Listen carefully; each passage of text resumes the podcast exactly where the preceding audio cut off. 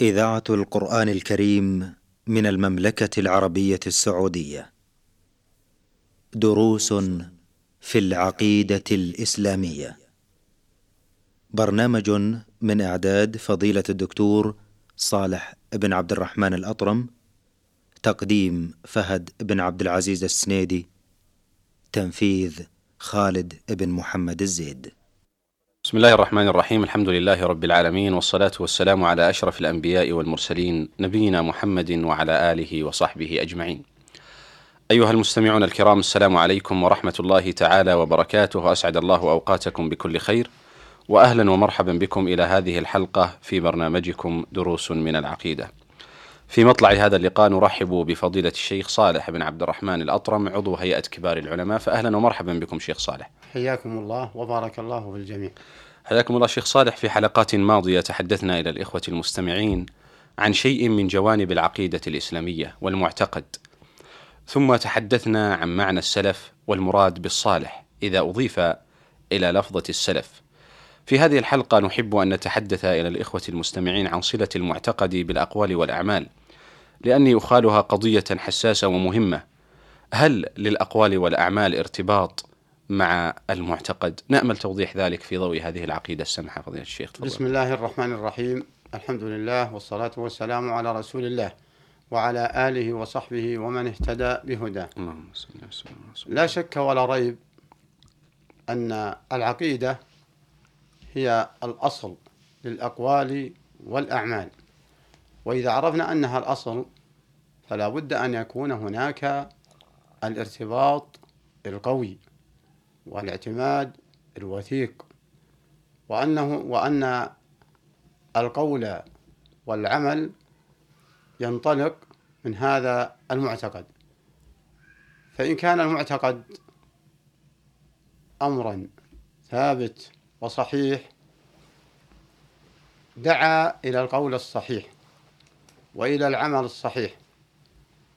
وإن كان المعتقد بخلاف الظاهر دعا إلى انهيار القول والعمل. فالقول والعمل معتمد ومؤسس على العقيدة فهي أصل نعم. صحة الأعمال وأصل لصحة الأقوال.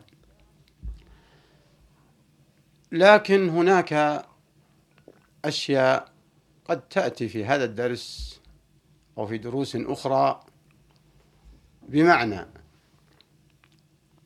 انهيار وانهدام القول والعمل نهائيا فلا أثر له. وقد يكون له أثر في الدنيا دون الآخرة. أعني إذا خالف المعتقد القول والعمل القول. نعم. إذا أشبه ما يكون القول والعمل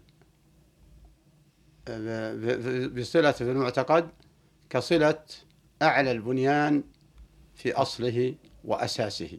نعم. البنيان المحسوس. نعم. والبنيان المحسوس كل إنسان يحاول أن يضعه الوضع الصحيح والتأكد من ثباته حتى لا ينهار أعلاه فالأساس لا يصلح إلا بفرع والفرع وهو البناء الظاهر لا يصلح إلا بأساس. فهكذا القول والعمل مع آه، المعتقد. من حيث العبادات ومن حيث الأعمال الشرعية. نعم. فتارة لا يصح الفرع إلا بصحة المعتقد. وتارة قد يصح الفرع لكن لا ثواب عليه. آه. كالأعمال الدنيوية وكالأعمال العادات من أكل وشرب وبيع وشراء ونحو ذلك وسيأتي تفصيل ذلك إن شاء الله تعالى. هذا عفوا شيخ يصح فيها المعتقد ولا أجر فيها؟ هذا يصح فيها العمل. العمل. ظاهرا. نعم. ولا أجر فيها لفقد المعتقد. إذا فقد المعتقد. إذا فقد المعتقد. نعم. لأنه لم لم يبنى على أساس فإذا صح المعتقد بمعنى أنه يقصد وجه الله. بعمله بيع وشراء وأكل وشرب نعم. يقصد بذلك الت- الاستعانة على طاعة الله. نعم. ويقصد بذلك النفع للمسلمين في بعض في الأعمال الدنيوية يؤجر. فإنه يؤجر. الله أكبر. حتى ما يضع أحدك أحدكم نعم. في في امرأته. وهذا نعم. هو الدليل على ذلك. قال وفي بعض في بضع أحدنا صدقة قال نعم. الله أكبر. ثم شبه وضرب المثل الرسول عليه الصلاة والسلام لهم. قال أرأيت لو وضع شهوته في حرام؟ نعم. أيؤجر عليها؟ قالوا نعم. قال كذلك إذا وضعها في حالة فإنه يؤجر عليها. يؤجر. فكذلك الأكل والشرب.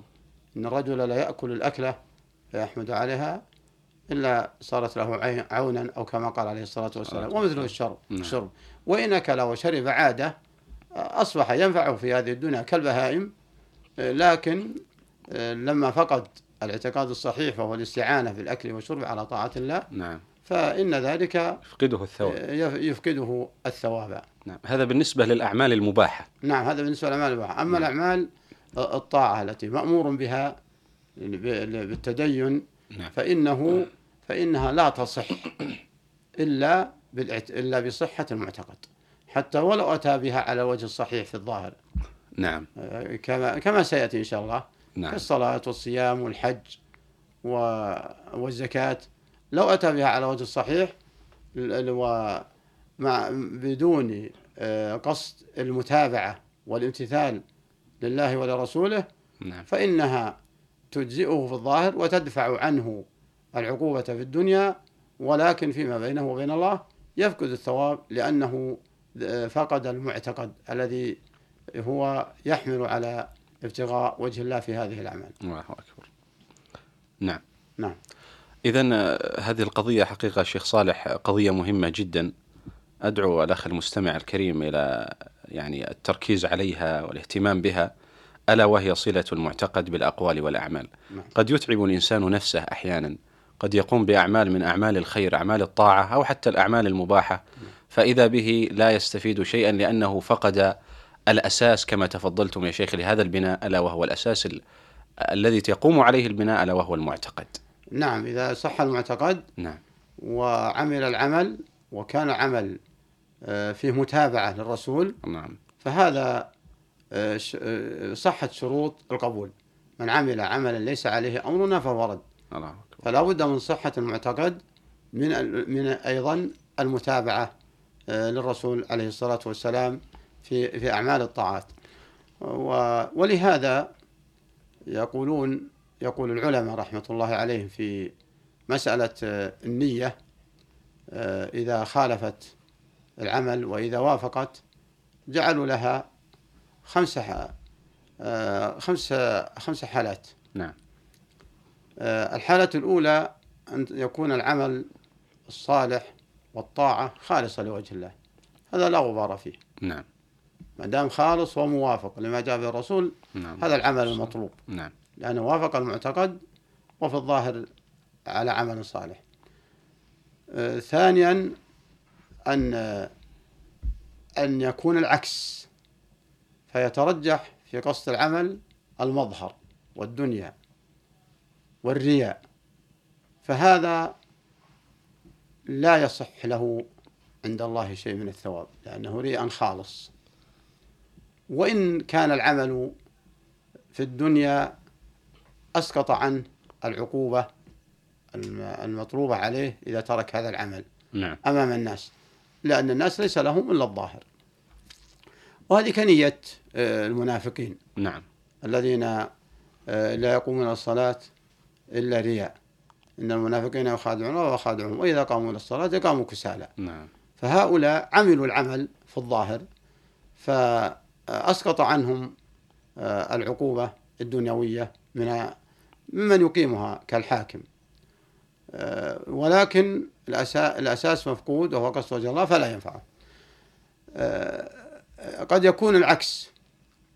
بمعنى أنه يقصد الرياء و ويقصد أيضا العمل الصالح.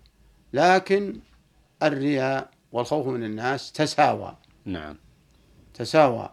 صار على حد سواء. فهذا أيضا مردود. الله لأن. آه، فساد لأن فساد الأساس موجود. نعم. فإذا وجد فساد الأساس عدم أثر الفرع وعدم أثر العمل. الحالة الثالثة أن يكون العمل الطاعة خالص لوجه الله. هذا بلا شك. هذا هو المطلوب. فوافق صحة العمل ظاهرا ووافق صحة الاعتقاد. والحالة الأخرى أن يوجد جميعا. لكن الأغلب الأغلب هو قصد غير غير وجه الله من رياء نعم. أو غير ذلك. فهذا كما إذا آه، إذا صرف القصد لغير الله. فإذا الاعتقاد أصل في صحة آه، أصل في صحة العمل. نعم. وأصل في في قبوله.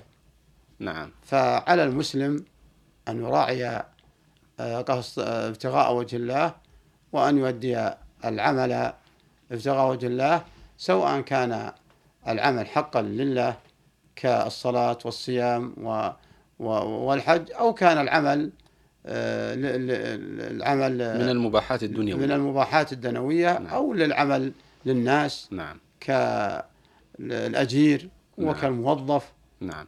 فمن رحمة الله سبحانه وتعالى أن جعل المسلم الثواب إذا أحسن القصد في عمله الدنوي نفع الناس.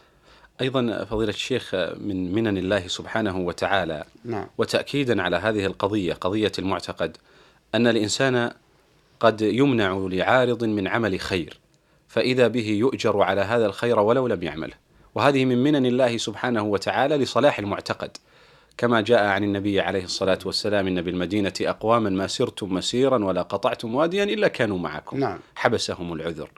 ومن نام عن حزبه أو نام عن ورده أيضا يكتب له إذا منعه عارض هذا لصلاح المعتقد هذا كما تفضلت. من, من لطف الله سبحانه وتعالى؟ وكالمريض نعم. إذا فاتته صلاة الجماعة ولم يستطع أن يذهب إلى الجماعة كتب الله له ما كان آه، يعمله.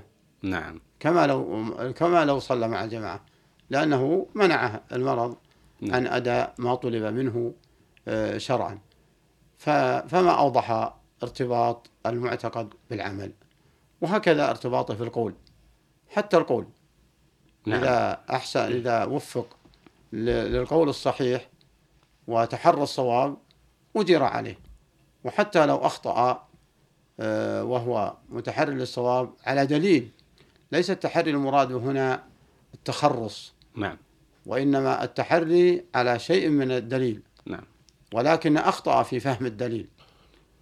فهذا يؤجر عليه كما قال عليه الصلاة والسلام إذا اجتهد الحاكم فأصاب فله أجران. نعم. وإذا اجتهد فأخطأ فله أجر. نعم. ومعنى الاجتهاد أي بحث عن الصواب والتمس الصواب هذا هو معنى الاجتهاد. آه، لا يعنى بالاجتهاد آه، الرغبة من دون جد ومن دون التماس للصحيح. هذا ما يسمى اجتهاد يسمى تخرص. نعم. فالاجتهاد, فالاجتهاد أن يجتهد في التماسه. ويجد دليلا يساعده. نعم. ولكن أخطأ في فهمه. نعم. فهذا الذي آه، يؤجر عليه. فما أعظمها من شريعة. نعم. الحمد لله. نحمد الله عز وجل. شيخ صالح آه، في الختام أتوجه لكم بالشكر الجزيل بعد شكر الله تعالى على هذا البيان الطيب. أيها المستمعون الكرام كان لقاؤنا مع فضيلة الشيخ صالح بن عبد الرحمن الأطرم عضو هيئة كبار العلماء. شكرا للشيخ صالح. نستودعكم الله. والسلام عليكم ورحمة الله تعالى وبركاته. بارك الله في الجميع وفق الله الجميع لما يحبه ويرضى دروس في العقيدة الإسلامية. برنامج من إعداد فضيلة الدكتور صالح بن عبد الرحمن الأطرم تقديم فهد بن عبد العزيز السنيدي. تنفيذ خالد بن محمد الزيد.